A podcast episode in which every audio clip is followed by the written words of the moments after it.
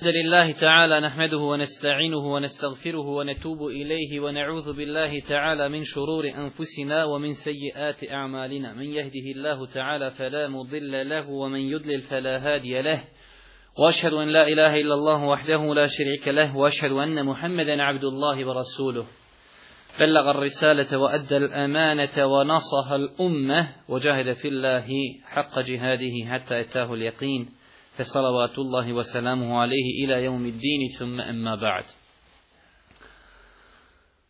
Pošto vidite da je zima, ja sam ubacio u neku malo bržu brzinu, onaj, da to ako Bog da prije završimo. Kao što znate, mi se ove zime družimo sa knjigom imama Nevevija 40 hadisa. Imali smo jednu dužu pauzu, znači gdje smo komentarisali drugi hadis punih 15 predavanja. Večeras komentarišemo šesti hadis.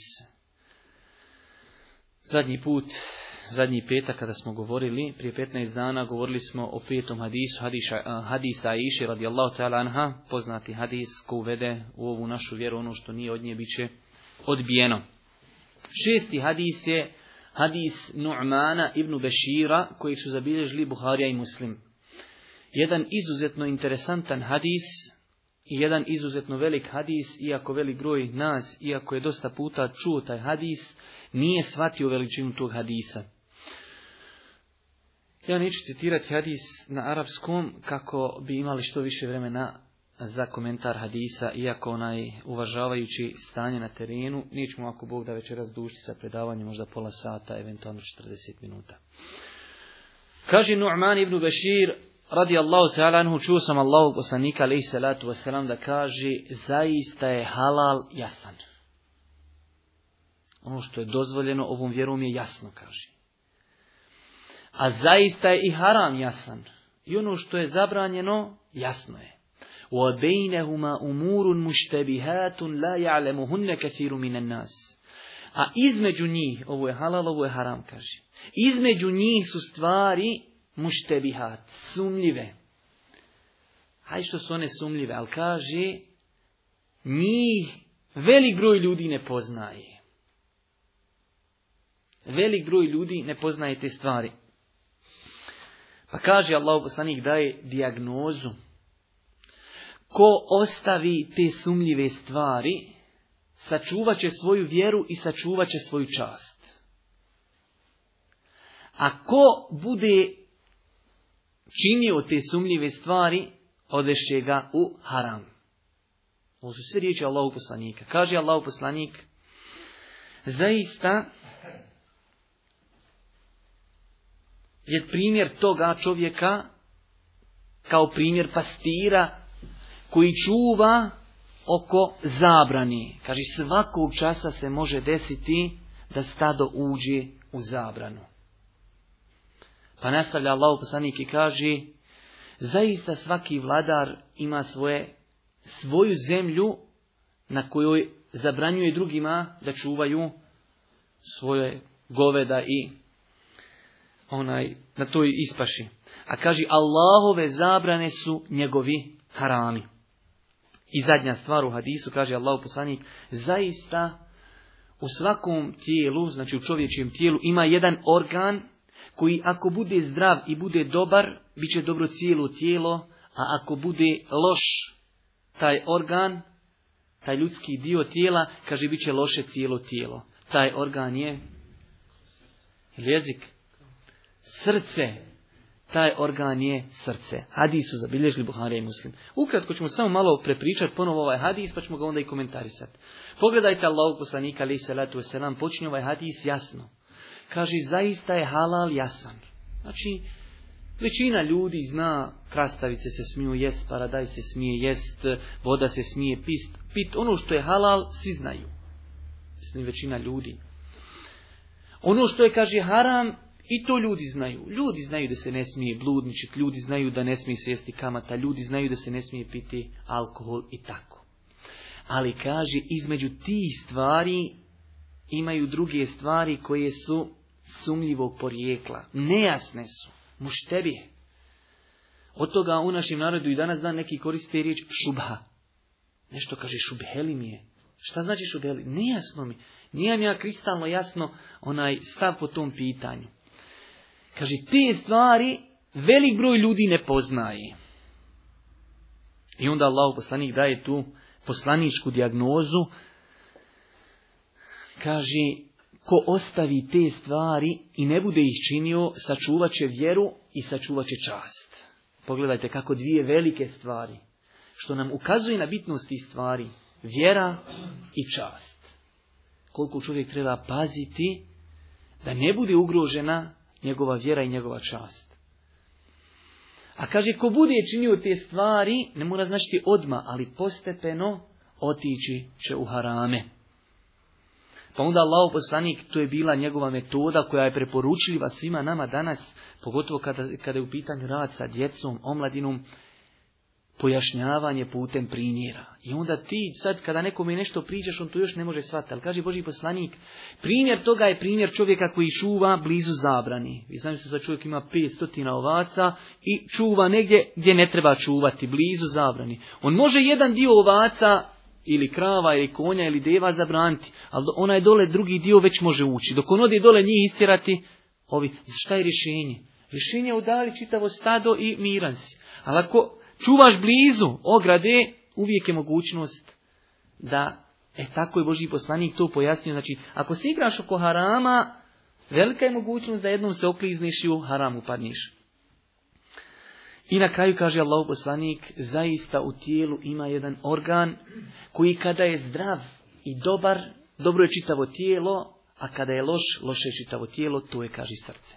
I ovaj hadis je jak argumenat da je neispravna teorija onih bošnjaka koji kažu ja imam dobro srce. A nikad u džamiji nije. Ovi riječi potvrđuju da on laži. Jer da imaš dobro srce, ta dobrota bi se manifestovala kroz tvoje ostale organe manifestovala bi se kroz ibadet, kroz pokornost. Ali samo reći imam dobro srce, a po cijeli dan šljokat, po cijeli dan krast, po cijeli dan nikad u džamiju ne ići, kolizija. Kolizija sa riječima Božih poslanika. A mi kada nam dođe kolizija između riječi Allahov poslanika i nekog čovjeka s ulice, onda dajemo prednost uvijek riječima Allahog poslanika. E ovaj hadis Znači i za nas, nako, hajde reknemo, običnu masu, nije nešto velik, ali ako pogledamo u govor islamskih učenjaka vidjet ćete da su mu davali veliko mjesto. Do te mjeri da su za njega neki rekli da je četvrtina vjeri. A neki još više mu dali, znači da su kazali trećina vjere je u ovom hadisu. Vi se sjećate oni koji su bili na prvom predavanju kada smo govorili o hadisu, zaista se djela vrednuju prema namjerama. Kada smo spomenuli govor imama Ebu Davuda, koji sa, e, sakupljač poznate zbirke hadisa Sunene Ebu Dauda. Kaže Ebu Davud, ja sam zapisao od Allahovog poslanika, znači putem ljudi lanaca, prenoslaca, pet stotina hiljada hadisa. Pet stotina hiljada hadisa.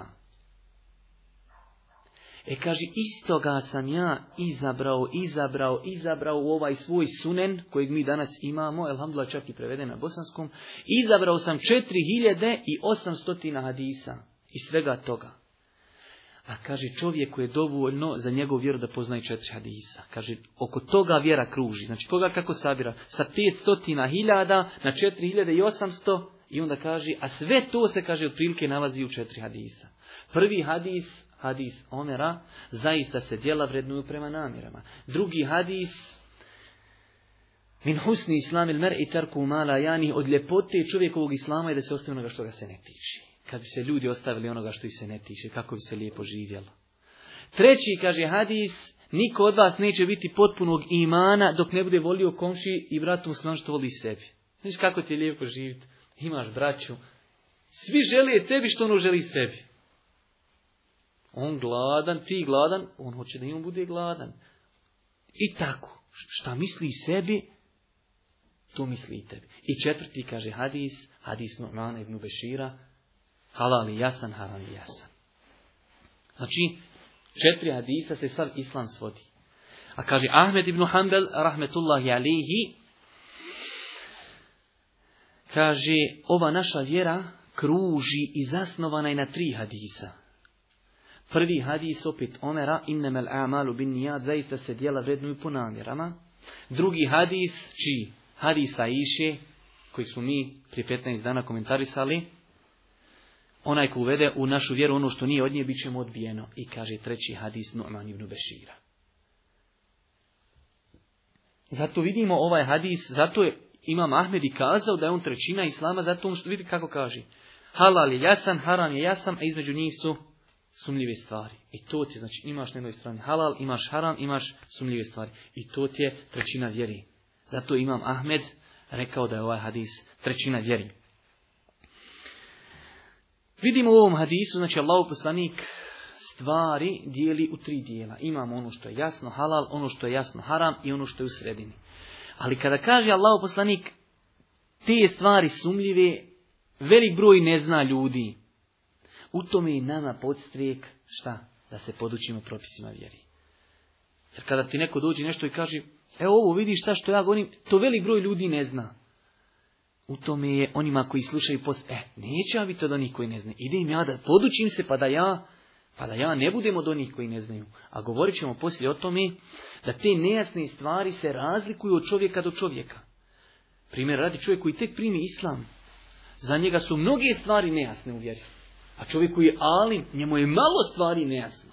Znači, ta nejasnoća se razlikuje od čovjeka do čovjeka, od njegovog znanja, znači, koji posjeduje. Zato islamski učenjaci, kada komentarši ovaj hadis, spominju stvari koje uzrokuju da neka stvar bude nejasna. Na čelu tih stvari stavljaju šta? Neznanje. Najveći faktor koji može uzrokovati da je tebi nešto nejasno jeste neznanje. A tu se kako liječi? Zagriješ stolcu i završena stvar. Znanjem. Znači najveći, najveća prepreka na putu svatanja znači jeste neznanje. I najviše uzrokuje neznanje da stvari budu nejasne ljudima. Druga stvar, pomanjkanje razumijevanja isto.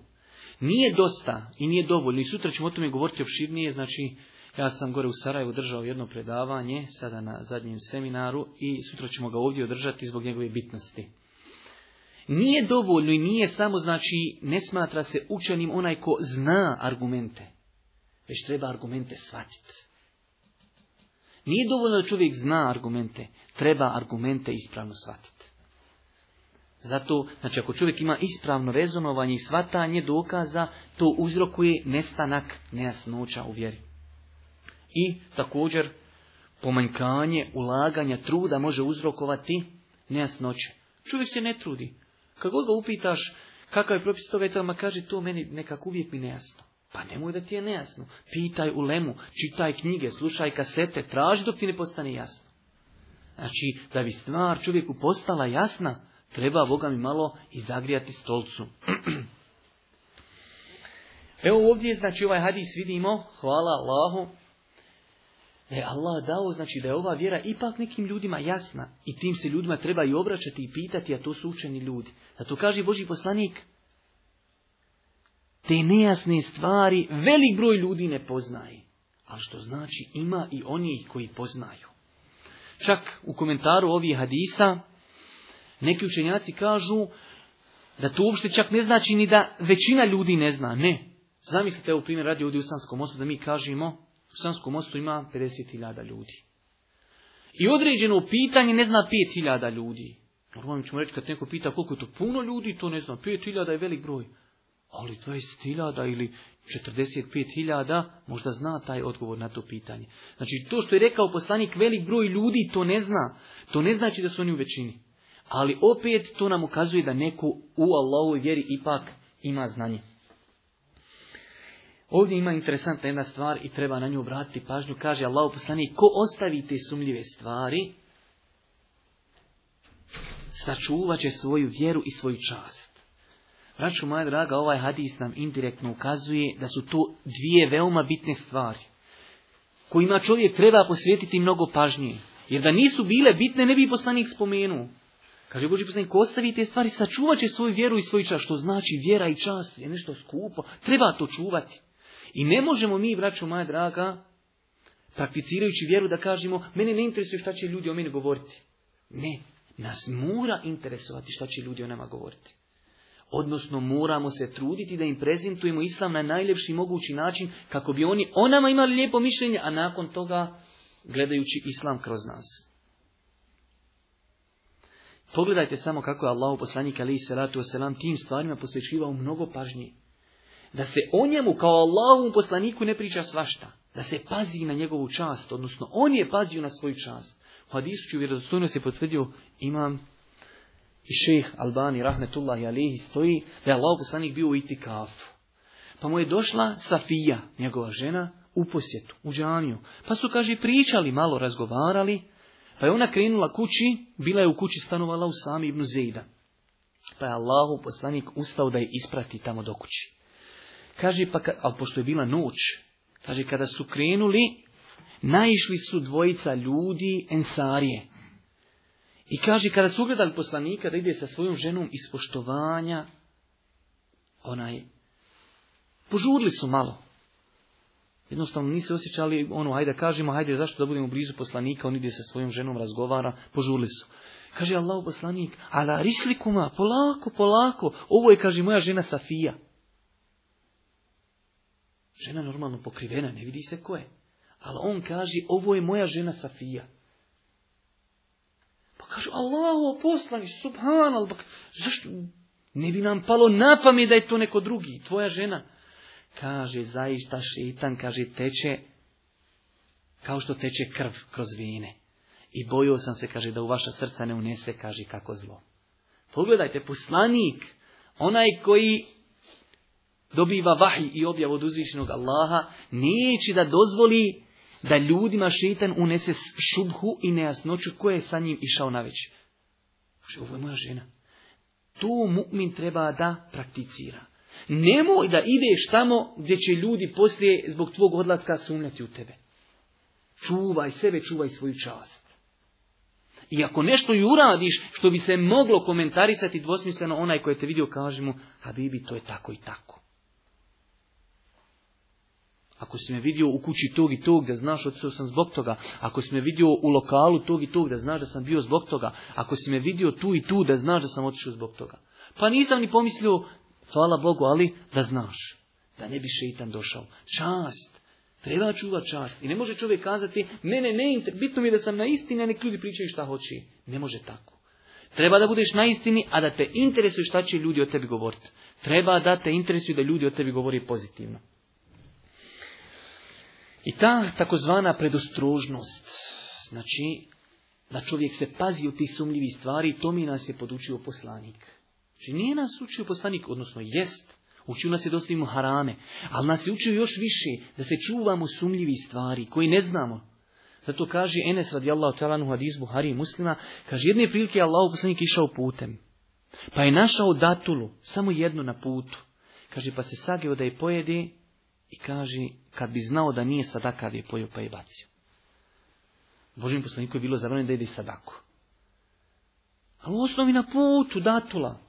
Ne znaš je li sadaka ili nije. Ali kaže, kad bi znao da nije sadaka bi pojio. A u drugom hadisu kojeg zabilježio imam Buharija od Ebu Hureyri, kaže Allah poslanik, ja nekad znam doći u svoju kuću. Uđe u svoju kuću. I kaže, na svojoj postelji nađem jednu datulu, pa je podignem do usta, kaže, hoću da je pojedem, i kaže, nam padne mi možda je sadaka. Kaže, ja je baci. Pogledajte, jednu datulu, čuvo se jedni datuli, da ne pojedi, sumljivo, jer njegovoj kući, sve što je u tvojoj kući, tebi je dozvoljeno da jediš. Ali se čuvao. Do te mjeri da je svoju djecu i svoje potomstvo i svoje unuke odgaja u tom pravcu. Prenosi se u vjerodostojnom hadisu, da jedne prilike vidio Hasana, sina Ali i Nog, kako je uzeo datulu od sadaki. I kaže, stavio je u usta, kaže Allahu poslanik, keh, keh, baci to, malo dijete. Kaže, pa zar nisi ti još shvatio da mi, znači naša poruca poslanička, da je nama zabranjena, kaže sadaka. Malo dijete, ali odmalena ga uči da se pazi na halal i na haram. I to su nakon njega počeli prakticirati njegovi učenici, najveći sinovi ovog ummeta, Ebu Bekr i Omer i ostali. Pogledajte Ebu Bekra, u predaju koji zabilježi imam Buharija, od Aiše, kaže Aiša, Ebu Bekr je imao slugu, roba. I kaže, taj rob je svaki dan išao na dnevnicu. Radi na dnevnicu i donosi tu dnevnicu Ebu Bekru i kupuje mu za tu dnevnicu hranu. I kaže, svaki dan kada bi došao Ebu Bekru, taj je rob, sluga, pitao bi ga Ebu Bekr gdje si zaradio pare, pa bi onda tek jeo ono što je mu je kupio. I jednog dana, kaže, ga nije upito. Pa je počeo jest. Kada je završio sjelom, kaže mu sluga, znaš li gdje sam te pare zaradio? Kaže, ne znam. Kaže, još nekad davno, prije što sam islam primio u džahilijetu, gatao sam nekim ljudima. Ali nisam, kaže, ja znao gatat, koji danas mnogi prodaju ljudima maglu. Napiši tamo ovdje nakon na nišan prepiši s nišana one harpove i kaže, ovo je te zapis košta 150 maraka. Kaže, ja nisam znao, snagu sam. E danas me, kaže, tek ljudi vidli i platili. Evo Bekr shvatio odmah da je to haram i metak. Ali gotovo, znači, on je kod Allaha ma'zur. Pojeo si gotovo, nisi znao i gotovo. Ali kaže, istog momenta je stavio prst u grlo i sve povratio. I kaže, sve jednoj predaji, kaže, rekao je Bekr, kaže, da nije hrana izišla osim s dušom, opet nek iziđe iz duša, sam ne može u mojom tijelu ostati ništa što je haram. Kolika je to bila predostrožnost. Koga su je naučili od poslanika, ali salatu wasalam. Konavno neki dan priča, neki događaj, ne znam, nija, mislim da je autentičan. Neka žena, da dovedujem se na ove zapise, neka žena poslala svoje dijete, idi tamo kod nekog sihribaza, treba zapisati. Kaže, on otišao tamo, njega nema. Rekla mati, ne vraćaj sebe zapisa. Kaže, on ti uzme olovku, ide tamo negdje na neki nišan u, u greblju i znašvrlja ono i zamota i kući. Kaže, ona kaže, vjeruj, dok je on pošao tam pisat, mi je odmah bilo lakše. Kaže. Eto, kaže, ja ko da osjećam kad je on pošao pisat. Odmah, kaže, meni lakše. Hele, nisam. Isto Omer, radi Allahu Taranu, je bio izuzetno osjetljiva osoba u pogledu tih stvari, sumljivi, tako se prenosi u Buharinoj zbirci hadisa, kada je znači ojačala islamska država, Omer radi Allahu u svim muhađirima koji su činili hižu iz Meke u Medinu, odredio je platu da im država daje 4000, da li zlatnika, da li dirhima, nije spomenuto. A svom sinu, i on je činio hiđu dao 3500. Pa kažu mu sada Sabit, svima njemu tri i po. E, kaže, vidite, vi ste svi, kaže, samo inicijativno učinili hijđu, a ja sam njega, kaže, na svoju i ja sam njega, kaže, donio. I kaže, nije isti onaj koji je sam učinio hiđu, niti i onaj, kaže, koga je babo doveo na devi. E, zato on, kaže, će dobiti tri i po Nije on, kaže, bio tada samostalna osoba, on kad je došao sa mnom zajedno. I zato kad ne zaslužuje četiri hiljade, njemu ćemo tri i po hiljade dati. Svom sinu, svima dao četiri hiljade, sam njemu tri i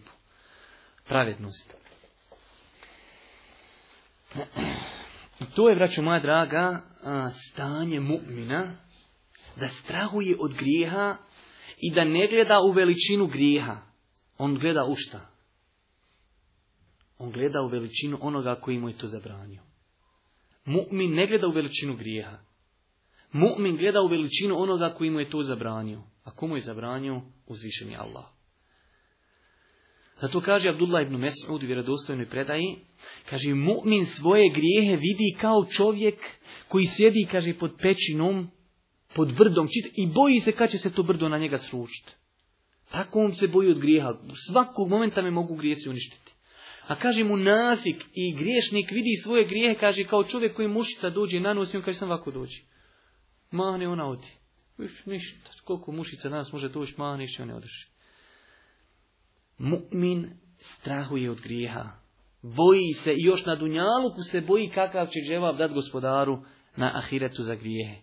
A licemjer ništa, griješnik, znači okorjeo u grijesima. A poslije ćemo se toga još malo dotaknuti.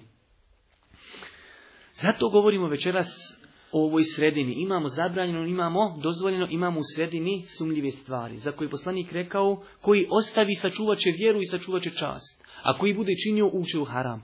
Zato učenjaci su postavili nešto u arapskom, što se na bosanskom spolu ne može prevesti u jednoj riječi el vara predostružnost, bogobojaznost, da ostaviš nešto što je u osnovi halal kako te ne bi odvelo u haram.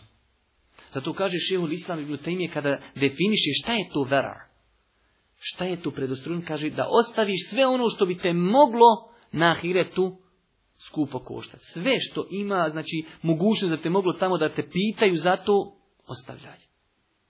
Zato ima hadis o tome, ali hadis je daif kojeg zbliži imam tirmizi, ali u učenjaci su potvrdili da je ispravno njegovo značenje. Kaže, čovjek neće biti bogobojazan, potpuno bogobojazan, sve dok ne bude ostavljao i halal stvari, bojeći se da ga ne odvedu u haram. To je bogobojazan, Nije da ti ostaviš samo haram.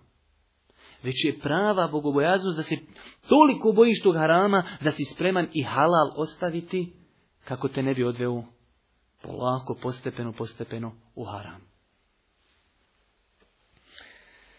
Ovdje kada govorimo o toj ver'i, o toj predostrožnosti, dosta puta ljudi nju doživljavaju samo, znači, neispravno ili krnjavo. Ljudi dosta puta smatraju da je to samo u pogledu ostavljanja. Pa primjera rad, vi znate u šarijatu imaju ima nešto što je vađib i nešto što je mustehab. Znači vađib je obaveza, mustehab je pohvalno. A imate s druge strane nešto što je haram i nešto što je mekruh. E, mi dosta puta ovu predostružnost samo shvatamo u poglavlju, poglavlju harama i mekruha. Znači čovjeku vjerniku je pohvalno da ostavi mekruh, znači mekruh nije haram. Ali tu u osnovi zabranjeno, vjerujem, ali nije na tom stepenu da je došlo do harama. E zato je pohvalno ostaviti mekruh kako te mekruh ne bi vremenom odveo u haram. I tako mi shvatamo vjeru. Kad nešto znači, nisi sigurno kaže, pa dobro, ja ću tu osamničat učiniti zato što me moglo odvesti u haram. Dobro, to je fino. Ali imate predostrožnost i u činjenju. Znači, lako je ostavljati. Ali imate primjer radi, ulema se nekada razilazi u određenim pitanjima, kaže jedan velik broj i kaže, ovo je pohvalno sunnet, ali drugi kažu vađiv. Tada čovjek treba da uzme strožije, pa kaže, e ja ću ovo učiniti, Možda to bude i vađi, pa na sudnjem danu budemo odgovoran. Imate takvih pitanja koliko hoćete u šerijetu. Primjer radi klanjanje prema sutri. Znači sutra je nešto prema čovjeku čemu treba da klanja. Da li je to stup, da li je to zid, da li je to štab, da li je to grijalca. Znači kad čovjek klanja treba da ispred sebe na udaljenosti negdje znači tri podlagice, metar i pol, treba da ima nešto. Veliki broj učenjaka kaže da je to sunnet. Znači ako klanjaš bez toga nisi griješan. Ali ima broj učenja koji kaže vađi bi kad klanjaš da imaš nešto ispred sebe. Da li zid, da li stup. I zato Lema kaže, e, sad kad hoćeš klanjati, uvijek se trudi da klanjaš do nečega, do zida, do, do, do nekog štapa, do grijalice, do onaj, kako bi postupao po onome što je prioritetni. Jer ti kada to učiniš, po svima si dobro uradio. Ali ako ti kažeš dobro, ja ću nekad klanjati bez toga, ti si po jednom dijelu učenjaka griješan. I zato, znači, ta predostrožnost se gleda nekad i u ostavljanju, ali nekad se gleda i u prakticiranju. Tako primjer, kupanje za džumu. Velik broj učenjaka kaže kupanje za džumu je potvrđeni sunnet. Ali ima učenjaka koji kažu da je vađib. I znači, zbog toga čovjek ne treba da se igra sa tim stvarima. Ili klanjanje vitr namaza. Velik broj mi kaže da je vitr namaz sunnet. Potvrđeni sunnet. Ali imate anefijski mezheb koji kaže da je vađu. Znači, i zato to ne treba ostavljati. Mislim, inšala, da ste vi to ispravno shvatili. E to svojstvo, ta el i zaista sam tražio danas u riječniku, znači svi izrazi na koji, znači, koji su spomenuti u riječniku, iako je to jak riječnik, nisu 100% približili to značenje ove riječi. Ova riječ se faktički ne može na bosanskom prevesti u jednoj riječi el predostružnost, znači da čovjek neke stvari izbjega i bojeći se da će ga odvesti onaj gdje ne treba. I to je izuzetno povalno svojstvo i sam Allah poslanik ali se ratu nam ga je preporučio. Kaže Allah poslanik ali se ratu kun veri'an te kun a'bedan nas. Budi predostružan, ostavi ono znači što bi te moglo odvesti u haram, bit ćeš, kaže, najpobožniji čovjek. Onda nastavlja pa kaže, budi zadovoljan s onim što imaš, bit ćeš najzahvalniji. Voli ono što voliš, kaže ljudima, bit ćeš mu'min. Budi dobar komšija, bit ćeš musliman. I nemoj se, kaže, mnogo smijati, to umrtljuje srce. Vjerodostojnost ovog hadisa je potvrdio še Albani, rahmetullahi alihi. Također, Allaho poslanik dao nam je znači jednu dijagnozu kako da se čuvam ovih stvari u smislu ne idi tamo što je sumljivo, ne čini. Ali nam je dao istu jednu drugu, jedan drugi savjet, a to je kada čovjek dođe u situaciju, će nešto da učini i ne zna, je li to dozvoljeno ili nije. Allah poslanik nam je dao jedan dobar savjet, ali taj savjet ne mogu koristiti svi, našto u današnjem vremenu. Ali mogu oni ljudi čije srce nije zaprljano grijesima. Dolazi asab koji se zove Wa Bisa, Dolazi Allahom poslaniku i kaže, on tu govori o sebi, kaže, krinu sam poslaniku da ga pitam o dobročinstvu, o dobrim dijelima i da ga pitam o zlu, o grijesima. Kaže, kad sam došao do poslanika, kaže mi Allahom poslanik, Lavisa, hoćeš li, kaže, da te ja obavizim što si ti došao? Kaže, hoću. Došao si, kaže, da pitaš o dobrim dijelima, o dobročinstvu i da pitaš o grijehu. I evo ti, kaže, jedna ja, ja, anaj, jasna, laka formula. Kaže, istefti kalbek. Postavi to, kaže, pitanje svome srcu. Biće ti jasno odmah. Ali ti srce čisto. Čovjek, primjera radi, hoće da podigne kredit u kojem ima kamati. Ali eto, on bi da pravi kuću. I on bi sad da ide nekoga i pitat može li to ili ne može. Ali on u srcu osjeti da to nije to. To ti je, to, to ti je odgovor. Odgovor ti ono što u srcu nađeš. Ali kažemo čisto srce. Imate ljudi, toliko mu zaprljeno srce, on ode u, u i ode se kurvati i sam sebe da ubije, jel to u Dobro, brate, kako nije našlo kad se spava u 16. Znači ne, govorimo o srcu koje nije zaprljano grijesima. To srce Allah je tako, znači, učinio, ako u njemu ima imana, ono daje. Daje odgovor. Zato kaže Allah poslanik ali salatu wasalam u nastavku, kaže dobro djelo je ono na čemu se tvoja, kaže mi, duša smiri, na čemu je spokojna. A kaže, grijeh je ono, kaže, što te uznemirava i buni i ono što se koleba u tvojim prsima. To je grijeh. E ti, džaba tebi muftija i kaže na kraju Allah poslani kaže voleu eftake en nas. Makar ti ljudi rekli da to može. Zna se desiti rijetko nadam se, ljudi odu pitaju muftiju nekog učenjaka, ali mu ne prikažu situaciju kakva jest, pa ga navede da rekni da može ili da ne može. On ide to raditi, ali on svjestan i dalje da to nije to. Meni dolazi jedan čovjek, zaposlio se u, nekom poslu i poznato je taj poslu, ne može. Inako ja sa njim, on zna da ja smatram da to ne može i tamo on... I nako došlo je kroz priču, kažem ja njemu, pa kako, kod tko ti u tom poslu? Pa kaže, pitao sam ja neke ljude. Pa rekao, dobro, što nisi pitao mene? Ne sada ja se namjećim kao autoritet, ali sam da ga malo ispipam peri neko. što nisi mene pitao? Pa kaže, znam ja da ti to ne dozvoljaviš. Znači, on ne traži odgovor. On traži da će mu neko potvrdi ono što njemu treba. I on u dubini duše on zna da to nije u redu. Jer on kaže, ja znam šta ti, kojih si ti stavali, ja sam, kaže, išao pitao tam nekog drugog. I to je znači, makar tebi neko rekao, znači zna se nekad desi čovjek talak, ne pusti ženu tri puta. To zna se kakav je širijski propis. Kad čovjek tri puta razvede ženu, ne može je više vratit, dok je neko ne oženi, pa sa njom živi, ima spolni odnos. Ako se oni nakon toga razvedu, ti imaš pravo ponovo ženiti. Normalno sa novim ugovorom, sa svjedocima, sa, sa mehrom i svime ostalim. I on sad tri put, treći put talaknu ženu sa gotovo, ode žena više, nemaš pravo i vrat. I on ode mufti, kaže muftija, znaš šta je bilo, šta je bilo. Ja sam se, kaže, toliko naljutio, ja sam bio ljut, ja ću čak ne znam da sam ja to i rekao, ali žena mi kaže da sam ja nju razveo. Kaže mu, pa šariot, kad čovjek toliko poludi, ne uzima se u obzir šta je čovjek govorio tada.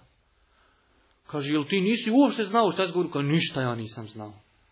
A kaže mu, pa dobro, ovo dva put, još imaš jednom. I on ide kući sa njom, a on zna da on zna, kad je govorio da je razveo, da on nju razveo a srce mu govori da to nije to. Znači, možeš ti ljude prevariti, ali srce ti kazuje nije to to. Zato kažemo, ako je čisto srce, ono čovjeku, da čovjek kad radi nešto što je halal mu smireno, u redu, ode u džaniju, plata, sve u redu. A kad počne čim taram, stegnute mu grudi, ne da mu dihat. To ti je dokaz da to nije u redu što radiš. Znači, ne trebaš zvat mene, normalno treba, čovjek normalno ima i stvari koje čovjek ne zna. Ali nekad si u nekoj situaciji ne znaš, je li dozveno, nije dozveno. Vjeruj, samo sebe istinski upitaj, vidjet ćeš da, da ćeš otprilike znati u kojem pravcu se treba kretati. Ima drugi hadis sličan ovome i on nam je jedan od 40 hadisa mama Nevevija, ali tamo negdje 26 hadis, pa da li ćemo biti do tada žive, Allah zna. Od Neuas ibn Sema'ana, Isto tako on dolazi i pita Allahu poslanika šta je to, kaže, dobro djelo. Kaže, dobro djelo ti je lijep moral. Lijep ahlak ti je, kaže, dobro djelo. A šta je, kaže, grijeh? E, kaže, grijeh ti je ono, kaže, što se koleba u tvojim prsima i ne bi, ovo je dodatak bitan, i ne bi, kaže, volio da to ljudi saznaju. Što je dobro, ti voliš da ljudi saznaju. Čovjek išao na ili napravio džamiju. Drogo mu da ljudi saznaju. Ne, nek saznaju. Ali, ako si ti zatvoriš ukću i buljiš tamo onaj, u erotske filmove, voliš da to ljudi saznaju? Ne voliš, to. stid. Odmah to je dokaz, je to halal ili haram? Što ne voliš da ljudi znaju, znaj da je na njemu veliki upitnik. Taj hadis je u muslimu. Čik, nešto kad radiš, ono se postaje pitanje, bilja ja volio da me ljudi vide u tome? Sjediš ti s nekim i pričaš o nekom bratu muslimanu, gibetiš ga. Sad se postavi pitanje, bilja ja volio da je on tu, da me čuješ šta priča. I odmah ćeš ti znati je li to halal ili haram. Znači, pogledajte kako su lake te formule koje je poslanik izrekao, znači ovaj hadis zadnji u muslimu, ovaj prije njega od Uabisi je kod imama Ahmeda, Njegovu vjerodostojnost je također potvrdio šeha Albani Rahmetullah Ali. To su znači vjerodostojni hadisi koji daju čovjeku formule kako da se snađi u životu. Mi ćemo na kraju znači spomenuti samo kratko neke stvari gdje se ogleda taj vera, taj predostružnost, samo neki, a toga je mnogo. Primjera radi govor o vjeri, a sutra ćemo o tome opširnije ako Bog da. Či znači, čovjek ima te ljudi, nema predostrožnost, šta god ga pitaš, on sve ekspert, halal, haram, može, ne može, čafir, musliman, mu'min, munafik, on ti za svakoga ima odgovor. Či znači, treba tu biti predostrožan, treba se paziti, čuva jezik, da ne bi izrekao sud o nekome, a nisi kompetentan. Zato kada vidite prve generacije, oni su se apsolutno razlikovali od nas, kada je u pitanju govor ovjeri. vjeri. Ibn Ebi Leila, poznati tabi'in, kaže ja sam doživio 120 ashaba. I znalo se, kaže, desiti da upitam jednog, on kaže, de pitaj nekog drugog. Onaj drugi kaže, de pitaj treći i četvrti, pet, i kaže, i onaj 120 i kaže, pitaj prvog opita. Niko neće da odgovori. Toliko su se pazili da ne govori o vjeri. Bojeći se znači te odgovornosti mesulijeta. Također, jedan veliki učenjak Nehaji, to znači veliki alim, veliki imam svoga vremena, njemu došao jedan čovjek, znači imam ljudi, vi ne možete zamisliti šta znači imam u to vrijeme da nekome ljudi kažu imam, imam Ebu Hanife, imam Malik, imam Šafija. To su ljudi, mi treba 10-20 godina da čitamo knjige da bi shvatili koliko su oni znali. Sam da shvatiš, ne da znaš koliko su oni znali, nego sam da shvatiš. I to mi mamu nehaju, dolazi čovjek i postavlja mu pitanje, kaže, pa nisi nikog drugog našao da pitaš, što kod mene da dođeš? Ispredost, zna on odgovor. Ali kaže, pa zar otkud mene siromaha da pita, da na mene odgovornost na val. Znači ja kad tebi nešto reknem ti odiš, ja sam preuzeo odgovornost da je to tako. A to Imam Ibn Al-Qayyim je napisao knjigu četiri toma muftijama posvećena. Na, nazvo je I'lamul muvaki'in an Rabbil Alamin. Potpisnici ispred Allaha, znači oni koji govori o ispred Allaha, znači govori o Allahu i vjeri. I'lamul muvaki'in an Rabbil Alamin. Oni ljudi muftije su oni koji govore o vjeri. Znači, to je toliko opasno. Znači, ti tumačiš vjeru, ti znači govoriš ljudima, e, ovo je vjera, ovo je ono što nam je uzvišen Allah objavio. Znači, to je nešto krupno, veliko, to nije, nije za igre. Također, opasna stvar, prenositi govor u lemi, treba čovjek da se pazi, treba prenositi govor u lemi, tu je povalno da preneseš njihovo znanje, ali treba dvije stvari, prenijeti onako kako su rekli i onako kako su htjeli da reknu. Dvije bitne stvari. Ima ljudi dođe i čudnite se rekao riječ i uzmeti iz konteksta i kaže, evo vi šta je rekao. Ne, gdje da čujemo u čemu je bio kontekst, o čemu sam ja govorio, šta sam ja želio da kažem. Pa nekad možda reknim lapsus, ali vidi se iz konteksta da sam ja htio reći, možda dozvoljno rekao sam ne nedozvoljno, ali se shvati iz konteksta šta sam htio reći. Ali čovjek ti uzme rečenicu i sjeće i kaže, evo šta je on kazao. Znači, govor u Lemi treba prenositi precizno onako kako su oni rekli i onako kako su željeli da govor njihov izgleda. I znači, napomene, kazali smo na početku, treba paziti te stvari koji su sumljivog porijekla, gdje se iziskuje i traži ta predostružnost, braćo moja draga, se razlikuje od čovjeka do čovjeka. I sad tu ne treba nekog umalovažavati. Dođeš čovjeku i ti kažeš, šta ja znam, primjera radi, Evo, rećemo glasanje. Kaže čovjek, ja ne glasam iz predostružnosti, bojim se li to dozvoljno i nije. Ali drugi čovjek kaže, ja glasam i ja smatram da je meni obaveza glasati u današnjem vremenu. Znači, poštuj ti njega. I mnoge druge, ovo sam naveo onako primjer u kojem nisam razmišljao. A znači, taj čovjek to njemu nije nejasno. On je shvatio da je to njemu obaveza. Ti kažeš, meni je to nejasno, smijem li ili ne smijem. I mnoge druge stvari. Neko kaže, u određenom pitanju, ja ne znam da li to može, da li ne može. Ali drugi čovjek kaže, ja sam pitao lemu, čitu, gledu, raspitivo, dokaze, sve. Meni je jasno da to ili može ili ne može. Meni je jasno, meni to nije nejasno. I zato treba uvažavati onoga mi je nešto jasno.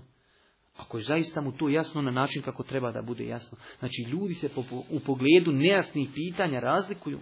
I logično je, ne može čovjek tek primi islam ili tek počeo klanjati, da mu je sve odjednom jasno ko najvećem učenjaku i alimu. Nemoguće. I zato treba respektovati respektovati ljude u tom pogledu. I ovdje je isto interesantna jedna stvar. Čovjek treba da ima tu predostrožnost prvenstveno kada, u pitanju, kada su u pitanju harami. I smiješno je zamisliti, mi znamo tako nekada isforsirati određena pitanja koja nisu toliko visoko u šerijatu znači kvalifikovana, a u drugim stvarima koja su jasno, jasno zabranjena haram, mi smo tu izuzetno tolerantni. Sjećam se jednog čovjeka, ne znam da li je Alim, da li nije, gledao sam ga onaj, na nekoj satelitskoj onaj, nekom kanalu. I on sad navodi primjer kako ljudi nekad ne znaju prioritete, odnosno kako nekad njihov život i njihovi postupci su kontradiktorni. Navodi on primjer čovjeka koji počinio zinaluk. Počinio čovjek zinaluk i šta se desilo žena s kojom činio zinaluk zatrudna sad došao on tu neko mufti i pitao njega taj propis i kaže muftija pa dobro je to veli, normalno, to je haram, ali mogu shvatiti da se čini nalog. Ali što nisi to na vrijeme riješio, makar da žena ne zatrudni. Kaže, znaš šta je, ja sam, kaže, slušao malo, kaže, govor u Lemiju, Lema kaže da je pokuđeno, veli, da se onaj, znate šta želim da kažem, znači da čovjek izvan ženine i onaj, maternice dožive akulaciju. Kaže, ja sam čuo da je to pokuđeno.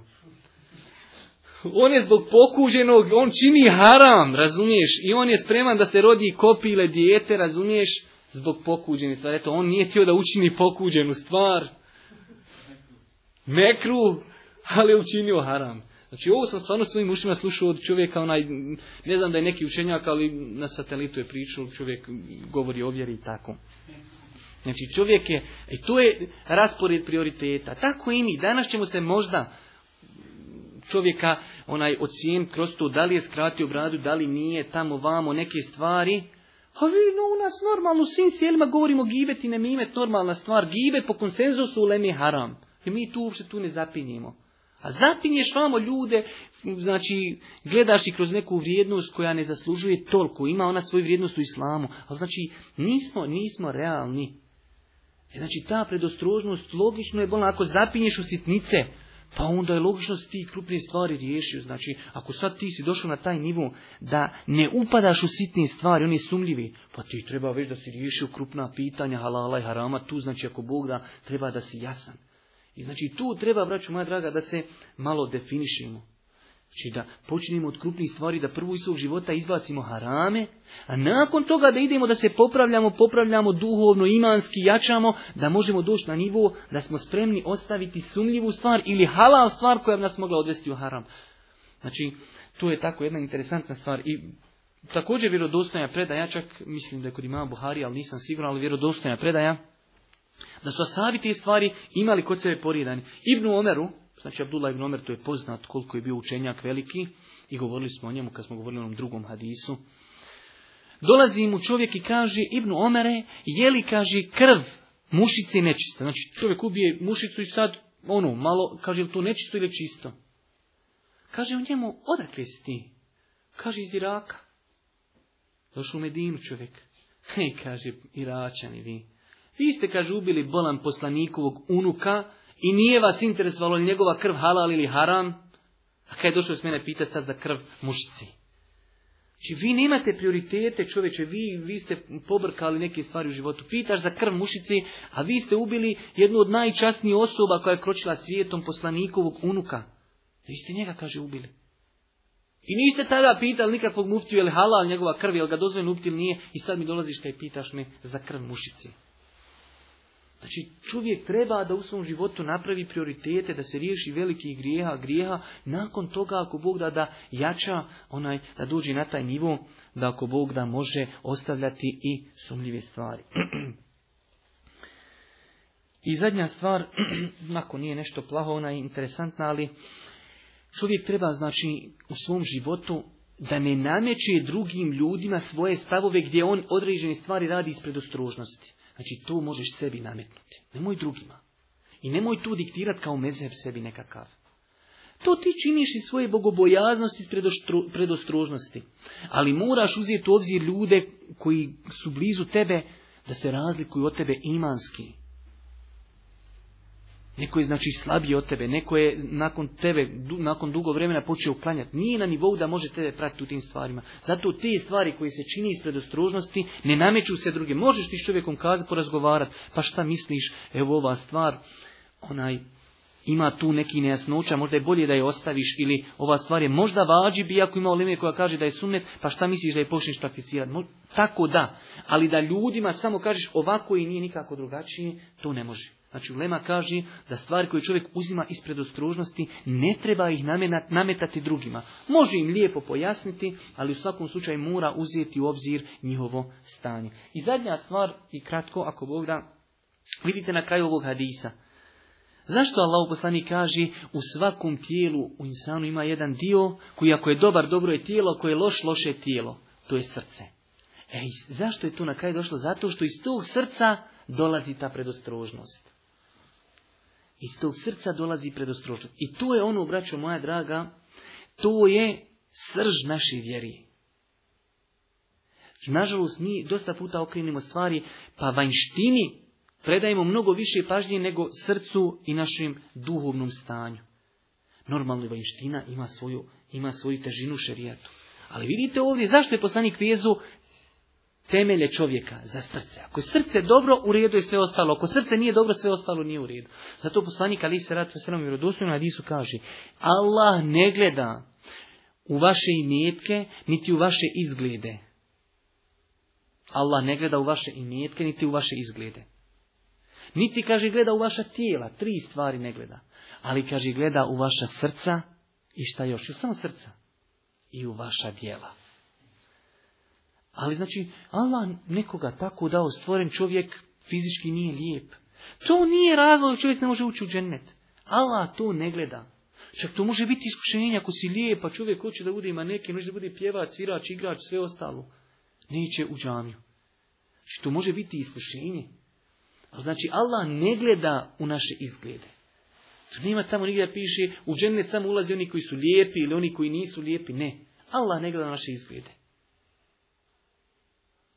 Niti naša tijela, neko visok, neko mršav, neko debel. Ne, to ne igra ulogu.